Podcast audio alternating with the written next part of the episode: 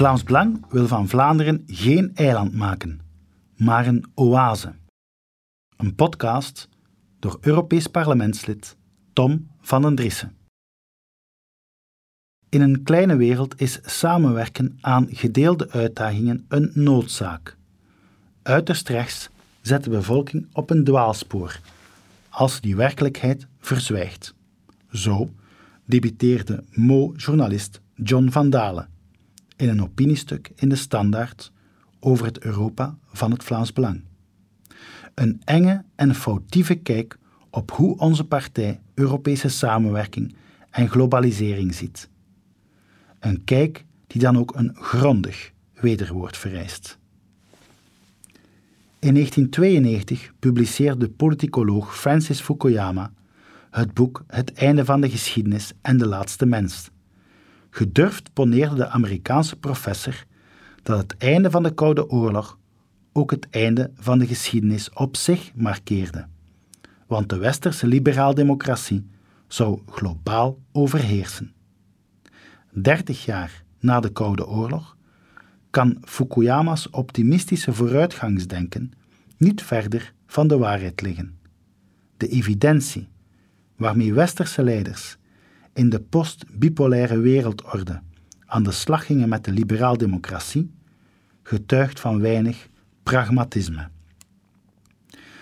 Dit pragmatisme leggen nationalisten anderzijds wel voor de dag. Dat merkt John van Dalen ook op. De nieuwe links-rechtsas bevindt zich op de tegenstelling tussen globalisme en lokalisme. Immers, de decennia lange migratiestroom uit arme landen en de uitverkoop van het Westen aan multinationals vertrekken beide vanuit een zuivere marktlogica. Het liberale optimaliseringsprincipe hangt naadloos vast aan die globalisering. Het kent een handvol winnaars en heel veel verliezers. Die verliezers zijn de brede middenklasse in het Westen. Mensen die de directe gevolgen ondervinden van de massamigratie, deindustrialisering en de globale markt. Precies deze mensen hebben de traditionele elites achtergelaten. Met weinig zin voor pragmatisme en met veel halstarrigheid klampt het centrum zich vast aan die globalisering, waarvan de huidige Europese Unie een exploot is. De Europese Unie evolueert in eiltempo naar een ongeleid ideologisch projectiel dat zonder schroom indruist tegen de belangen van de lidstaten en zijn burgers. De Europese Klimaatwet, onthaald op veel tromgeroffel, is hier een goed voorbeeld van. De groene maatregelen van de Commissie van der Leyen houden absoluut geen rekening met de lokale context. Ze zijn veel te streng en veel te abrupt voor de energie-intensieve economie in Vlaanderen en kennen bovendien bitter weinig democratisch draagvlak, vermits er de voorbije verkiezingen helemaal geen groene golf plaatsvond. Van Dalen gaat verder in zijn stukje met halve waarheden en volledige leugens als het gaat over ontwikkelingshulp, stellende dat het Vlaams Belang tegen ontwikkelingshulp is. Het mogen bij deze dan een primeur zijn voor Mo-magazine, dat het Vlaams Belang als sociale en volksnationale partij voorstander is van solidariteit met volkeren in moeilijke omstandigheden. De vele volkeren in Afrika of andere arme continenten horen daar zeker ook bij.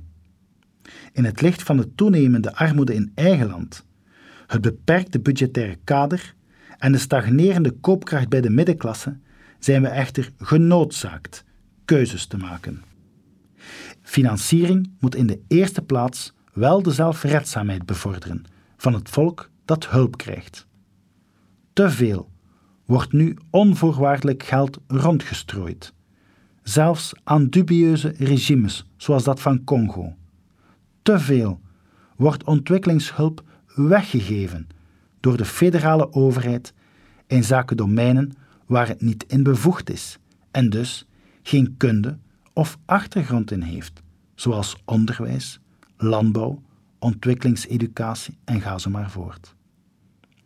Te weinig wordt dan weer nagedacht over de eigen noden en belangen, bijvoorbeeld door een grotere en broodnodige focus te leggen op ontwikkelingssamenwerking in het kader van de strijd tegen al dan niet illegale massamigratie vanuit de landen van herkomst.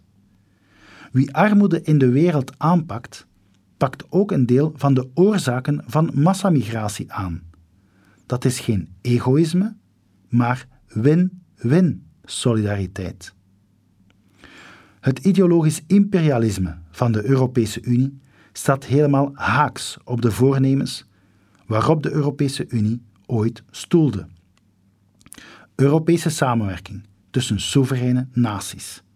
Een sterk handelsblok tegen de globalisering uit met name China, maar een blok dat haar ideologische en culturele agenda niet oplegt aan de lidstaten.